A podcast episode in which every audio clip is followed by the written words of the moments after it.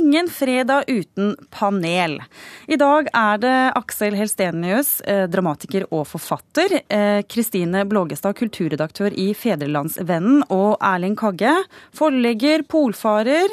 Bokaktuell med historier fra vandringer langt under bakken i New York, i kloakksystemer og undergrunn. Eh, velkommen skal dere være. Tusen takk. Tusen takk. Det er sånn at denne uka så kom det eh, en eh, melding først om at eh, Anders Behring Breivik sin far, Jens Breivik, skriver på en bok. Han ville ikke selv bekrefte dette overfor NRK, at det blir en bok, men at noe skrives på, er klart. Vil vi ha en slik bok, kjære panel? Ja, for det er uunngåelig hvis den virkelig eksisterer. Ja, altså Hvis det er en god bok, så vil vi ha den eh, som alle andre bøker. Hvis det er en dårlig bok, så kan vi være den foruten. Og Kristine Blågestad, du er med oss fra Sørlandet. Ja eller nei til dette spørsmålet? Jeg syns ja. Jeg syns at eh, dette er en så historisk dramatisk eh, ting, en hendelse, sånn at alle biter i dette puslespillet skal vi ta imot, og så får vi vurdere kvaliteten på det når vi har lest den. Kagge, som forlegger, hvor er det du ville lagt lista? Nei, Det har vi gjort som vi ellers gjør, eh, lagt den, eh, lagt den høyt. Både med hensyn til eh, kvalitet på språk og, og, innholdet. Så det er det som er spennende hvor mye han har å formidle. og Jeg blir litt nysgjerrig på det. for Hvis han kan si noe spennende om de første årene, og kanskje også årene etter det, frem til han var 15 eller når de brøt kontakten, så kan jo det være med å belyse hele saken. Så mm, jeg, ja, jeg er litt nysgjerrig på det. Som forlegger, eh, er det, er det liksom noen fallgruber du ville vært eh, obs på her? Altså, dette kan jo også handle om et renvaskelsesprosjekt, f.eks.? Ja, helt åpenbart. Eh, altså, det er så mye fallgruver der at det er nesten ikke tid til å ramse dem opp engang. Men, men, men, spørsmålet om det er grunnlag for å se på det manuset og vurdere det en, som en aktuell bokutgivelse, det er, det er, det Men jeg er helt enig at det er tynn is der, ja. Hulstenius, hva kan en historie fra faren sitt ståsted bidra med? Ja, det, det som Erling har vært inne på, er jo dette, og som du snakket om, det er, er dette renvaskelse? Hva, hvem gjør man det for? Gjør man det for seg selv, eller gjør man det for eh, det store publikummet, eller gjør man det for sønnen sin? Det ville jeg i hvert fall eh, stilt meg spørsmålet aller først. Jeg lurer på hele saken, jeg har lyst til å gå liksom litt tilbake og spørre er det, er det virkelig? Eller er det noen som sitter der ute og har kastet ut dette her for å lodde stemningen? Det er jo ganske mange sånne journalistgreier. Noen har hørt, noen som har sett, noen som kanskje visste at Og så slenger man det ut, og så er det blitt en sak. Jeg har i hvert fall ikke lest at dette er konkret. Jeg har ennå ikke lest at det finnes noen forleggere som har fått manus og vurdert det. Så jeg vurderer jo hele saken som litt underlig også. Mm. Men vi kan jo tillate oss å likevel være litt hypotetiske. Jo da, vi kan gå Hva er det som står igjen som de, de, de, de blanke feltene i, i, befolkningen? Hva er det vi eventuelt trenger for, for å liksom sluttføre he, ja, helingsprosessen? Det er jo altså Ring Breivik, i dramatikken så er han et monster. Og nøkkelscenen i enhver historie om en monster er hvorfor er den gale gal? Hvorfor ble han et monster? Og Det er jo det vi ennå ikke har fått svar på. Og Det er derfor vi higer etter nye bøker og nye opplysninger også, for vi har svar på hvorfor ble monsteret monster. Kristine Blågestad, eh, pressen, journalister, de, de følger jo Vær varsom-plakaten, og det er en del ting de eh, har eh, unnlatt å fortelle, og også heller ikke sladra videre om hemmeligstemplede rapporter og slike ting. Eh, burde forlagsbransjen og eventuelle forleggere eh, liksom være, være i nærheten av journalistenes Vær varsom-plakat? Ja, Forleggere har jo også etikk og moral, så de vil jo helt sikkert vurdere alle disse tingene. Og jeg syns jo at uh, i denne saken, altså tenk deg å være pappaen til Anders Behring Breivik. Det er jo en ekstrem situasjon. Og denne åpenbare fallgrunnen for at dette skal bli et forsvarsskrift, syns jeg vi skal være litt rause for. Og det er også en stemme i alle disse stemmene som vil si noe om 22.07. i fjor, så syns jeg den stemmen hører med. Så om denne boken blir et, et forklaringsprosjekt, et uh, forsvarsprosjekt, så syns jeg det også er greit. Jeg syns ikke kvaliteten på det skal stå og falle på det. Og om den har litterære kvaliteter, det vet ikke hvor interessant det er heller. Jeg syns hans historie med hans ord kan være med kanskje også å føye noen eh, biter til det puslespillet. Og, og barndom er jo alltid veldig sentralt når, eh, som panelet sier her, vi har fått et monster som vi har fått. Kunne du tenke deg å gi ut eh, denne boka hvis du får et manus på pulten, Erling Kagge? Eh, hvis det er, eh, holder en standard um, som vi kan akseptere, så absolutt. Vi skal videre til neste spørsmål til panelet.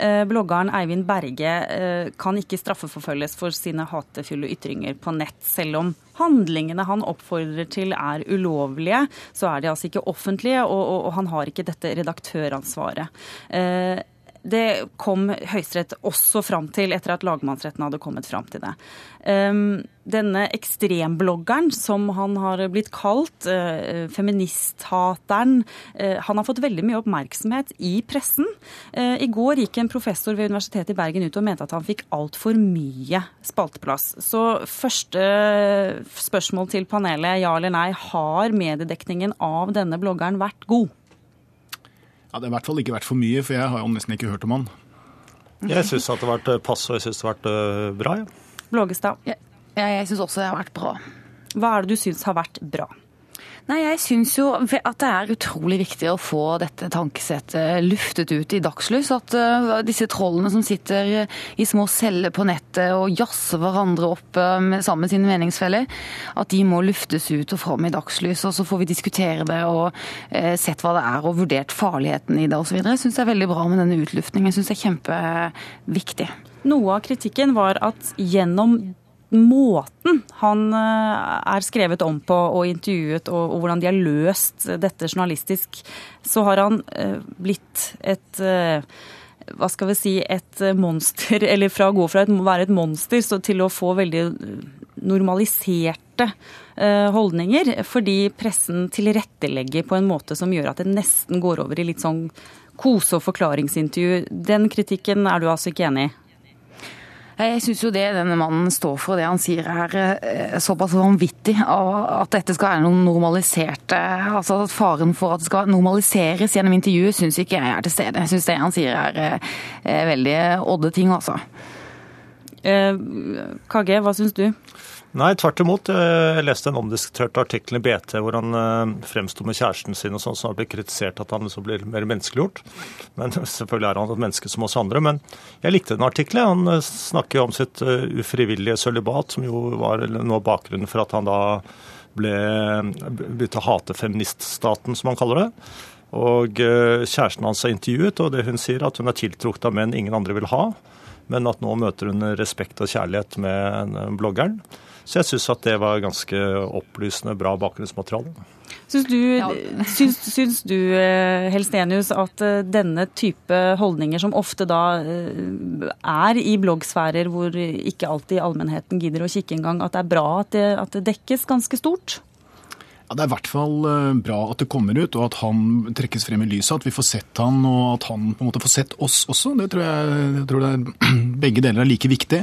Og at han nå fremstår både med kjæreste og fremstår med et ansikt og, og sånt noe.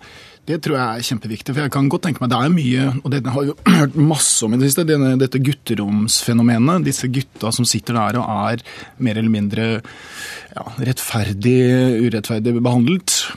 Så I hvert fall hva de føler selv. Det, ja, nå kan man liksom ikke komme og klage på det, for nå får man i hvert fall Nå eh, får de oppmerksomhet, og de kommer ut av det. og Det, det kan slå begge veier. Men jeg tror i hvert fall at uh, synligheten gjør at det er mindre sjanse for at du, at du blir voldelig og, og går til, til aksjoner, når, du, når, alle vet hvem du er. Ja, altså sånn gutt, Men dette som Erling Kagge sier også med at eh, han framstår som farlig. altså Han gjør jo ikke det når du står fram og sutrer og er sint på kvinner fordi du ikke har fått nok sex, så framstår det som det motsatte av farlig.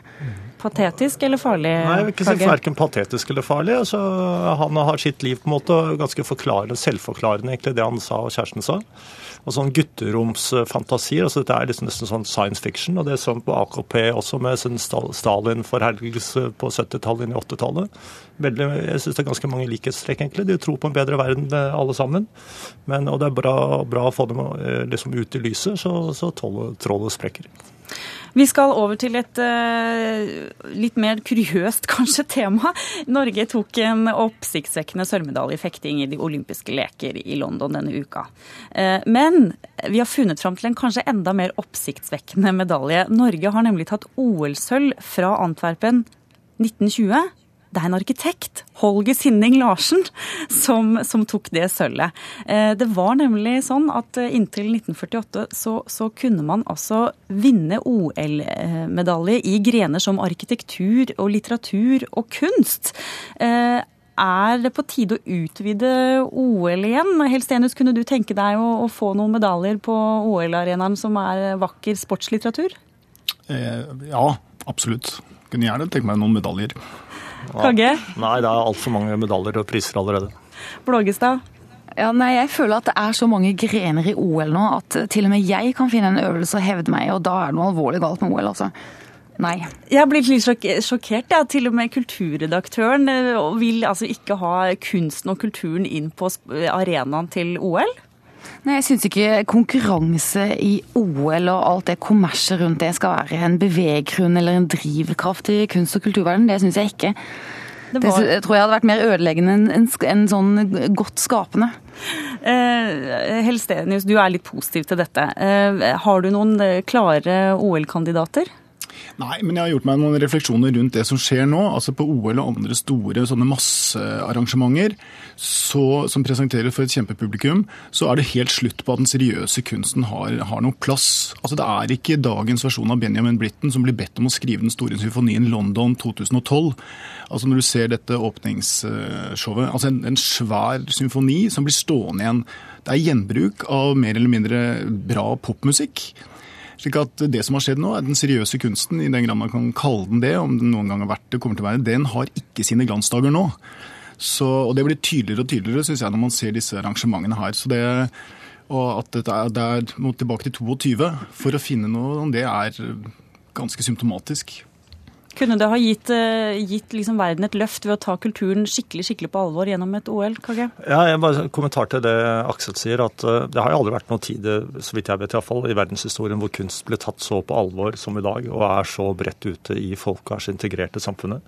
Så, og også høyverdig kunst og annen kunst. Så vi lever jo en veldig rik tid sånn sett, men akkurat å få det inn på OL-arenaen Eh, det ble for drøyt. jeg ikke OL må ikke være noe barometer på hva som er god eller dårlig kunst. Det føler jeg hadde vært, eh, det hadde vært feil. Det hadde vært vanskelig å ruere. Og hva skulle det vært til stedet? Skulle det vært sommer- eller vinter-OL? Begge deler. ja. De prøvde seg jo med bridge. Da var jo det veldig vanskelig å finne ut eh, i hvilket OL det hørte hjemme. Men det kunne jo vært flott å sett om f.eks. den nye hoppbakken vår i Holmenkollen kunne ha liksom henta hjem en OL-medalje. Kunne ikke det, da? For det har jo vært mye litteratur og sport knyttet til eh, Nei, unnskyld, litteratur og kunst knyttet til sporten, som var, som var det man kunne vinne en medalje på. Altså, hvert fall var det, jo, det var det som var utgangspunktet for OL. var At det var et møte med både kunstnere og idrettsfolk. Eh, og sånt nå, og det, det er det på en måte slutt Og Nå er det, nå er det bare idretten igjen. Kunsten er borte. Vi er nødt til å takke panelet for innsatsen i dag. Kulturnytt nærmer seg slutten. Kristine Blågestad, Aksel Helstenius og Erling Kagge.